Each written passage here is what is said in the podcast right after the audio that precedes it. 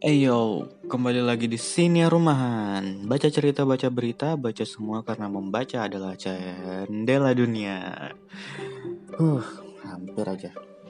Bersama gue Ray yang akan menemani lo dan membacakan lo cerita maupun berita yang terjadi dan tentunya menarik untuk disimak sampai beberapa menit ke depan. Aduh, udah lama ngomong nih. Kali ini gue mau bacain berita buat kalian berita yang bersumber dari indozone.id, Instagram indozone.id dengan ciri khasnya hashtag kamu harus tahu. Oh, Oke siap. Berita pertama ini mengenai kopet dan lebih spesifiknya lagi mengenai pendidikan, dunia pendidikan. Di langsung aja baca beritanya deh. Bingung gue mau bahasa basi. Ada kenaikan kasus COVID-19, Pemkot Bekasi tunda pembelajaran tatap muka 80 sekolah. Pemkot Bekasi memutuskan tunda pembelajaran tatap muka 80 sekolah disebabkan tren kenaikan kasus COVID-19 di Kota Bekasi usai libur Idul Fitri 2021. Nah, itu ininya fotonya baca beritanya sekarang ya. Pemerintah Kota Bekasi, Jawa Barat memutuskan menunda pembelajaran tatap muka 80 sekolah disebabkan tren kenaikan kasus COVID-19 di Kota Bekasi usai lebaran Idul Fitri. Total 80 sekolah baik SD maupun SMP terpaksa kami tunda padahal sudah dinyatakan layak menggelar ATHB SP, kata Kepala Dinas Pendidikan Kota Bekasi, Inayatullah di Bekasi, Sabtu 29 Mei, dikutip dari Antara. Di wilayah kami, tren kasus kopet sedang melonjak tinggi, terutama untuk kategori usia anak lanjutnya. Inai, oke Inai, kaget gua. Inai memastikan akan terus melakukan pemantauan serta evaluasi sambil menunggu arahan lebih lanjut dari gugus tugas COVID-19 Kota Bekasi terkait rencana penambahan sekolah yang diizinkan menggelar pembelajaran tatap muka. Sekali lagi, prioritas utama kami adalah kesehatan peserta didik. Kita tunggu arahan selanjutnya, ucapnya. Dinas Pendidikan Kota Bekasi mengaku puluhan sekolah itu sebenarnya juga sudah mengajukan diri ke data pokok pendidik atau DAKODIK Kementerian Pendidikan dan Kebudayaan guna mendapat izin menggelar sekolah tatap muka. Kalau kita lihat berdasarkan hasil pemantauan, semuanya sudah terpenuhi. Dari segi sarana prasarana serta infrastruktur sudah cukup dan semua persyaratan juga sudah terpenuhi, ucapnya. Sejauh ini, kata dia, sudah ada 220 sekolah yang menggelar belajar tatap muka. Pihaknya terus melakukan koordinasi serta evaluasi terhadap ratusan sekolah itu terutama di sekolah yang wilayahnya kini masuk merah penyebaran COVID-19. Sedang kami petakan, selanjutnya akan kami evaluasi kembali berdasarkan peta penyebaran kasus virus corona khususnya usai lebaran katanya. Katanya siapa ini? Ya itulah.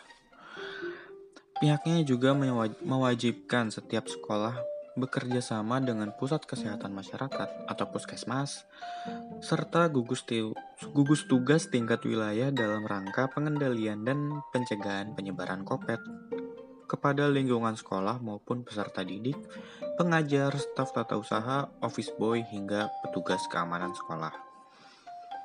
Nah, itu, itu tadi ya intinya berita ini ngasih tahu kalau 80 sekolah kurang lebih ditutup lagi gara-gara ada kopet. Kopetnya ini trennya naik lagi di Bekasi ya di kota Bekasi itu tepatnya.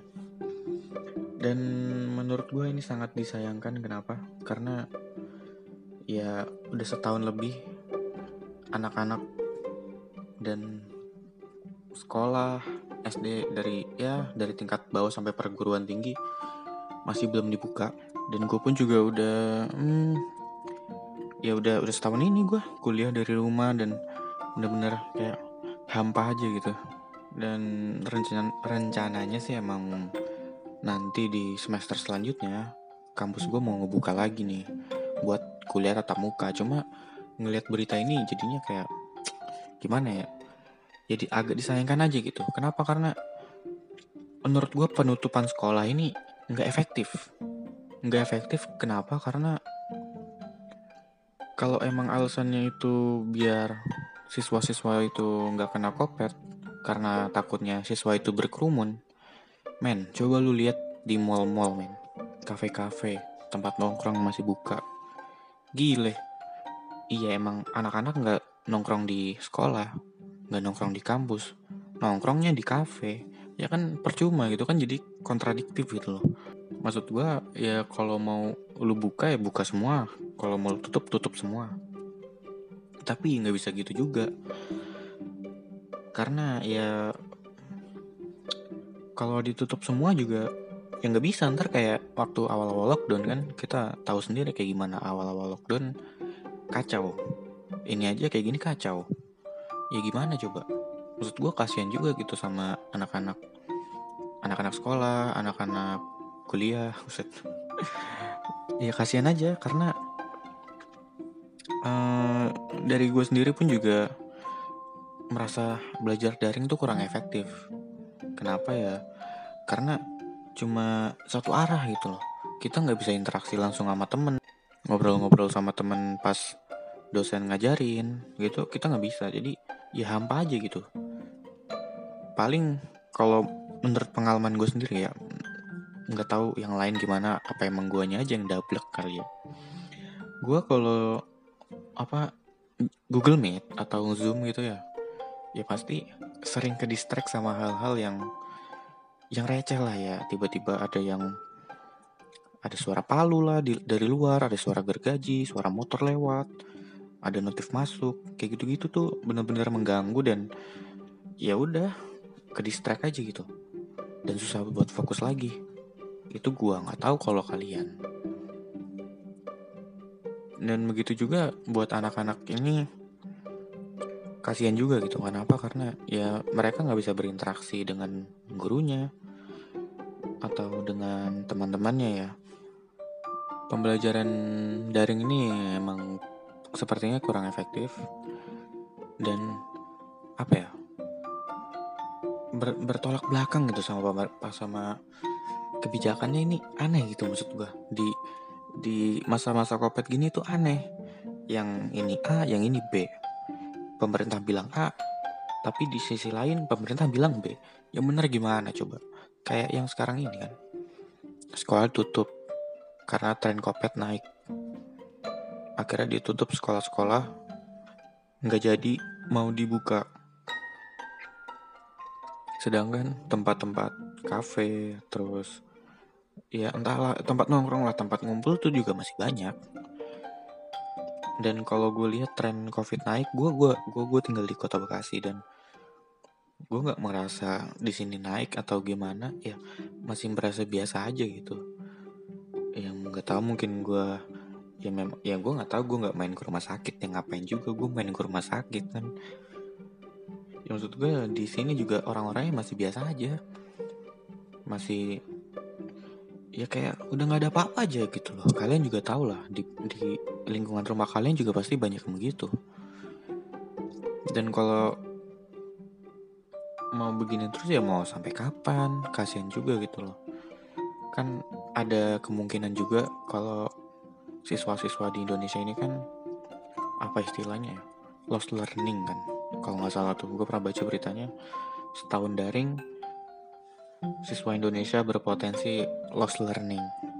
Maksudnya ya ya udah lu belajar cuma ikut belajar doang ngezoom ikut ngezoom doang. Cuma apa yang dipelajarin lu nggak ngerti. Kan kan kasihan gitu loh. Kasihan juga gue kan. Gue juga ya gitulah. Nah ini coba kita lihat komen-komennya nih. Ada 135 komentar. Baca-baca komen dari netizen. Nah nih dari Zidan 678 Stres gue dari terus. Nah kan? Banyak juga sebenarnya nggak cuma Zidan doang yang stresnya Banyak juga siswa di luar sana Di seluruh Indonesia pasti yang stres Karena daring. Ya Kalian paham lah kalau kalian masih sekolah atau masih kuliah. Ada lagi dari Sandi 16 Nggak usah sekolah langsung lulus aja. Nah ini termasuk orang yang udah putus asa. Nggak nggak nggak nggak boleh ditiru lah ya. Ya mau gimana lagi gitu kan. Ada lagi dari Krie Okta. Anak saya 2020 kemarin masuk SMP nggak terasa ada setahun dan 2021 ini mau naik kelas 2 SMP tapi dia nggak tahu satupun nama teman sekelasnya. Corona sudah membuat jiwa sosial generasi muda terkikis prihatin. Anaknya sama juga kayak gue berarti kan. Gue masuk kuliah, gue belum kenal-kenal banget sama teman-teman gue di kuliah anjir. Serius dah. Atau emang gue aja kali yang nolep kan gue juga nggak tahu. Atau mereka udah punya kelompok-kelompok sendiri tapi gue nggak diajak kan gue nggak tahu. Gue nggak tahu men, gue nggak tahu. Tapi yaudah nih kita lanjut aja ke berita selanjutnya. Seperti apa yang gue bilang tadi, pemerintah ini kebijakannya tuh kontradiktif itu. Satu sisi bilang A, di satu sisi bilang B. Nah nih, berita selanjutnya. Hidupkan pariwisata, Gibran akan bikin program Work from Solo. Gibran berencana meniru program Work from Bali yang digagas oleh Menteri Luhut. Gibran juga hendak mengajukan program Work from Solo untuk mendukung pemulihan pariwisata lokal. Nah, ini kontradiktif antara sama yang baru-baru kemarin ya, yang larangan mudik. Kita dilarang mudik, kita dilarang masuk ke daerah lain karena takut akan menyebarkan COVID ke daerah lain. Akan menyebar lah lebih luas gitu kan. Cuma seperti yang ra lagi rame-rame kemarin juga kan work from Bali. Dan sekarang Gibran wali kota Solo mengusulkan work from Solo. Nah kita baca dulu beritanya. Wali kota Surakarta sorry. Berarti bukan Solo. Apa sama ya? Nggak tahu. Gibran Raka Buming Raka siap mengajukan program work from Solo atau bekerja dari Solo untuk mendukung pemulihan pariwisata lokal.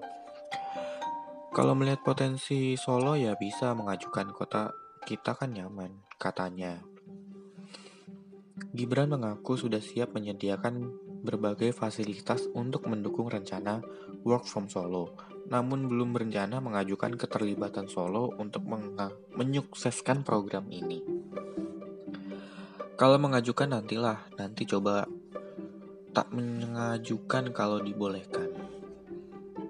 Yang pasti fasilitas sudah siap, teman-teman hotel juga sudah divaksin semuanya katanya. Terkait hal itu, Badan Promosi Pariwisata Daerah Kota Surakarta siap mendukung program Work from Solo. Ia mengatakan salah satu pertimbangan dari dukungan tersebut karena Solo memiliki model yang cukup untuk bisa mewadahi Work from Solo. Sangat bisa diterapkan di Solo karena modal kita cukup untuk itu. Pertama adalah kota Solo jadi kota yang dijuluki kota ternyaman, jadi nyaman juga untuk melakukan pekerjaan dari Solo katanya. Vaksinasi juga berjalan dengan cepat pada sektor kepariwisataan, baik dari Perhimpunan Hotel dan Restoran Indonesia maupun Asita. Apa itu Asita? Aku tidak tahu. Vaksinasi juga sudah diberikan kepada petugas hotel dan dan destinasi yang mengantongi CHSE. Selain itu, ketersediaan hotel di Solo Raya juga mencukupi. Itu cukup jadi modal kita untuk work from Solo katanya. Rencana ini bermula dari rencana Menteri Luhut menghidupkan pariwisata Bali dari mengejarkan work from Bali. Jadi Mas Gibran ini terinspirasi dari Pak Luhut yang bikin work from Bali. Yang jadi masalah adalah siapa yang work ini siapa? Yang dimaksud work ini siapa? Apakah masyarakat luas? Siapa pun boleh ke Solo dan dengan alasan saya mau work from Bali, eh mau work from Solo. Apakah begitu apa cuma buat ini pemerintah-pemerintah doang? Buat elit-elit pemerintah? bingung gua kita baca aja langsung komentarnya nih ada 113 komentar ya lumayan lah pertama dari yo underscore Iskandar. Bebas gimana anak Hokage aja? Waduh. Anak Hokage anak Hokage. Hokage ketujuh bener. Berarti nih beratnya Boruto ya. nah dari Alvaris Alfarizi Khan 21 Sekolah kapan? Emot sedih. Kapan sekolah? Tadi aja di Bekasi udah mau ditutup lagi 80 sekolah Balasan dari komen itu coba lihat. Nice question bro, gue sebagai mahasiswa yang jurusannya banyak praktek gara-gara daring jadi mati gaya Sedangkan nanti di, di dunia kerja ngerasa kurang skill. Nah itulah. Nah itulah.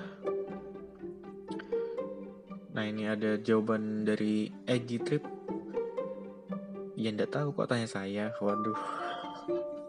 Lagi tren nih Ya NTKTS Ada lagi. Jibek Gak penting hapus aja berita ini. Ini menandakan dia kayaknya udah bener-bener Apa ya kayak Kesel aja gitu ya sama Ya yaudahlah kalian juga paham. Ada lagi dari Val Falah pas ditanya apa itu work from solo jawabannya kalau nggak ojo takon aku. Ya ndak tahu kok tanya saya. Wah. Ini sih ya sama kurang ya INTKTS gitu. Sama seperti bapaknya ya. Maksudnya Naruto gitu kan. Boruto tuh kan sama kayak bapaknya. Rambutnya kuning terus keras kepala. Gitu. Nah ya itulah. Maksud kita ya maksud kita maksud gue ya kita bisa ngeliat sendirilah apa yang terjadi di sekitar kita Tentunya dengan masalah COVID ini banyak hal-hal aneh yang terjadi, kebijakan-kebijakan aneh yang ada. Kita juga tahu sendiri dan juga netizen juga sudah banyak yang keluar-keluar. Entah itu didengar atau tidak, kita tidak tahu. Hai. Intinya masalah COVID ini kalau gue mau nanggepin COVID ini COVID itu ada, cuma apakah seseram yang diberitakan media? Mungkin tidak.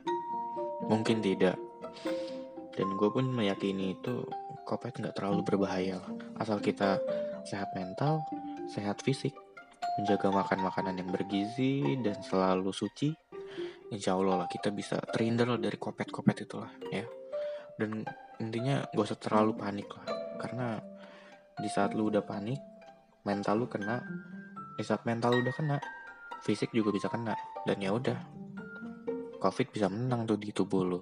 Imun lu bisa nggak kuat. Jadi yang utama adalah jangan panik. Makan nasi kucing loh bisa sembuh. Oke, itu tadi berita-berita yang udah gue bawain buat kalian dan juga komenan gue dan juga komenan netizen. Sudah gue bacakan dan sudah gue paparkan buat kalian.